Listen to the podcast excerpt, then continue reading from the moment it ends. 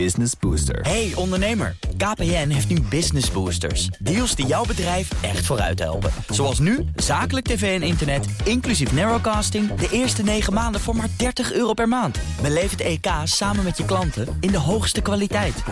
Kijk op kpn.com slash businessbooster. Business Booster. Crypto-update. We gaan naar Herbert Blankenstein, presentator van BNR's Cryptocast... ons programma over bitcoin en andere digitale coins. Herbert, allereerst de beste wensen en felicitaties. Ja, dankjewel. Bitcoin 15 jaar, Ja, 3 januari daarom. twee- 2009.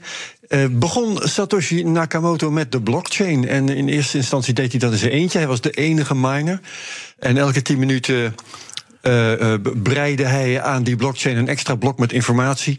En daar stond helemaal niks in, want er waren geen transacties. Nee.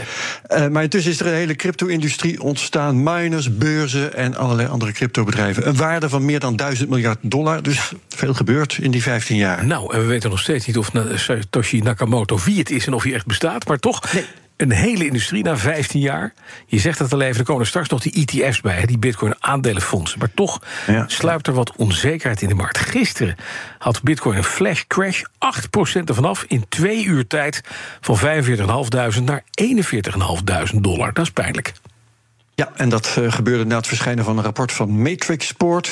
Dat is een bedrijf in cryptodiensten. En eh, dat rapport dat zei dat SEC-voorzitter Gary Gensler vast nog helemaal geen zin zou hebben in die ETF's. Meningen zijn wel verdeeld over of dat nou de oorzaak was van die flash crash. Want dat was eigenlijk helemaal geen nieuws. Iedereen weet dat Gary Gensler daartegen is. De kans dat hij nee zegt is geen nul. Maar als het zou- gebeuren, dan krijg je onmiddellijk rechtszaken die de SEC gaat verliezen. Dus ehm, ja, er was een eh, verkooplawine. Dat zie je wel vaker in crypto. Partijen die hadden gegokt op hogere koersen, moesten snel hun posities verkopen. Dat versterkt zichzelf, weet je wel. Ja. Ehm, de koers was vrij snel wel weer terug op 43.000. Hij staat er nu zelfs ietsje boven. Ehm, en daarmee staat Bitcoin zelfs nog in de plus voor dit jaar. Dus het is een storm in een glas water. Blijft wel spannend met Nou. die SEC en die ETF's. Eh, uiterlijk over een week weten we waarschijnlijk meer. Ja, dat zeggen we elke week volgens mij, hè? maar we gaan het zien. Nee, 10 januari Nee, is al heel lang de datum waar iedereen maar- naar uitkijkt. Nou, we gaan het zien. Dan Sam Bankman-Fried, SBF. Die zou nog een tweede proces krijgen met een handvol nieuwe aanklachten. Maar dat gaat niet door, want eh, gewoon klaar. Hij zit toch al in de bak, toch? Ja, Ja. inderdaad. De aanklagers laten het vallen. En daar zijn een paar redenen voor. Eén is dat het meeste bewijs dat er is... eigenlijk al in die vorige zaak aan de orde is gekomen. Dus er is weinig nieuws te verwachten van een tweede rechtszaak. Ander is dat zo'n zaak eigenlijk alleen maar de, eh, eh, het schadeloos stellen van de slachtoffers zou gaan vertragen. Dus het blijft bij één proces, eh, maar dat is ook eigenlijk wel genoeg. Hij is schuldig bevonden aan allerlei soorten fraude en witwassen. En je weet het, maximaal 115 jaar gevangenis staat hem te wachten. Wat het precies wordt, horen we op 28 maart. En als je een eh, nieuw vervolgverhaal wilt, dan kom je in september ook wel aan je trekken. Want dan begint het proces tegen Alex Mashinsky, de oprichter van Celsius. Ja, precies. Volgende Netflix-serie. De, het copyright op de eerste versie van Mickey Mouse is verlopen. Die zwart-wit versie. En dan krijg je dus... Ja, je krijgt NFT's. NFT's, Bas. Ja. ja. Ehm, die eerste versie van Mickey Mouse he- heette Steamboat Willie. Eh, Er is wel veel over gepraat en geschreven deze week. En iedereen mag daar nu mee doen wat hij wil. Heruitgeven van het verhaal, nieuwe versies maken... of bijvoorbeeld verwerken in NFT's. En er zijn zeker drie hele collecties Steamboat Willie NFT's verschenen. Er staan nu in allerlei top 10 lijsten. Maar dat is niet zo moeilijk de laatste tijd in NFT-land... want die hele handel stelt weinig meer voor. Ja. Ehm, bij de eh, series NFT's van Steamboat Willie heb je het nu over prijzen van 0,2 ether, 400 dollar per stuk zo'n beetje. Dagomzetten van 1 miljoen. En ja, dat is niks vergeleken bij een jaar of twee geleden. Nee, nou is dat wel significant. Dit is een collectie die dus niet van de hand van Disney komt. Want anders had Disney dat veel eerder gedaan. Maar die NFT's waren ooit bedoeld als een soort echtheidskenmerk. Van dit is de originele auteur en het originele stuk van de originele auteur. Het is allemaal nep. Ja, dat was de pretentie. En eh, ja, ze zijn royaal mislukt op die manier. Ehm, iedereen kan elk op internet gevonden plaatje laten minten tot een NFT. Er is al veel bedrog op dat gebied voorbij gekomen. In dit geval is het dus eigenlijk geen bedrog, maar het heeft ook weinig betekenis, zo'n NFT. Waarom je een NFT zou willen hebben van een rechtenvrij plaatje, dat is helemaal niet zo duidelijk. Die Steamboat Willie NFT's is eigenlijk gewoon windhandel. Ja, maar met die windhandel kan je toch geld verdienen. Want dan komen we van een heel creatief verdienmodel van 2024, al op 4 januari.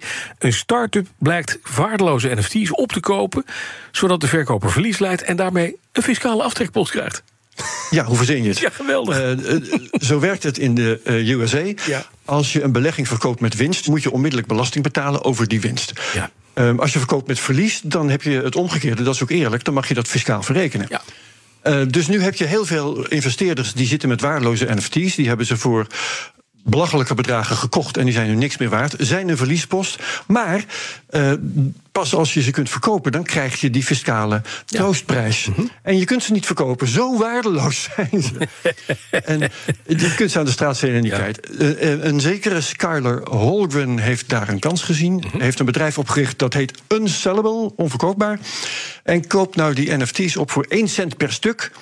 Brengt dan zelf 2 dollar in rekening Ja. aan de verkopers. Dus die betalen netto bijna 2 dollar om van hun NFT's af te komen. Maar kunnen dan veel grotere be- bedragen gaan incasseren bij de belasting. Dus daar gaat het om. Ja, en wat doet Unsellable volgens met die NFT's? Nou, vooralsnog niks. Ze verzamelen ze. Daar ontstaat nu een archief. Dat is op zichzelf wel interessant hoor. Eh, Een ar- archief van NFT's. Ze hebben er al 26.000. Ja. Een collectie van collecties. Eh, En wie weet, zeggen ze zelf ook, krijgt dat later waarde, verzamelaarswaarde. Ehm, maar in ieder geval hebben ze nu bij Unsellable wel inkomsten, bijna geen kosten. Ze zeggen dat duizend klanten intussen eh, per stuk, per persoon, 4200 dollar bij de fiscus hebben kunnen declareren. Dus Bas, dit kan nog heel groot worden. Uiteindelijk betaalt de Amerikaanse staat. Dat is natuurlijk wel geestig. Wat zit er in de CryptoCast deze week, Herbert? We hebben Bitcoin-journalist Arnold Hubach. Die heeft een eigen Bitcoin-nieuwsbrief genaamd Bitcoin Focus.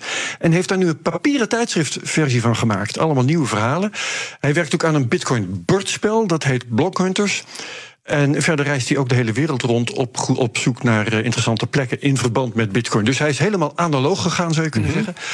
Ehm, en het gaat dan ook over El Salvador. Ehm, maar eh, eh, Arnold laat co-host Daniel Mol en mij alle hoeken van de aarde zien. Midden-Amerikaanse landen, Costa Rica en Guatemala. Maar ook bijvoorbeeld de Filipijnen en Kenia. Dus dat wordt leuk. Nou, mooi, dankjewel. Herbert Blankenstein, alle afleveringen van de CryptoCast te horen via de BNR-app... of in de podcast-app van je voorkeur. Crypto Update wordt mede mogelijk gemaakt door Bitfavo, de crypto-exchange van Nederland. Business Booster. Hey ondernemer, KPN heeft nu Business Boosters. Deals die jouw bedrijf echt vooruit helpen. Zoals nu, zakelijk tv en internet, inclusief narrowcasting... de eerste 9 maanden voor maar 30 euro per maand. Beleef het EK samen met je klanten in de hoogste kwaliteit. Kijk op kpn.com slash businessbooster. Business Booster.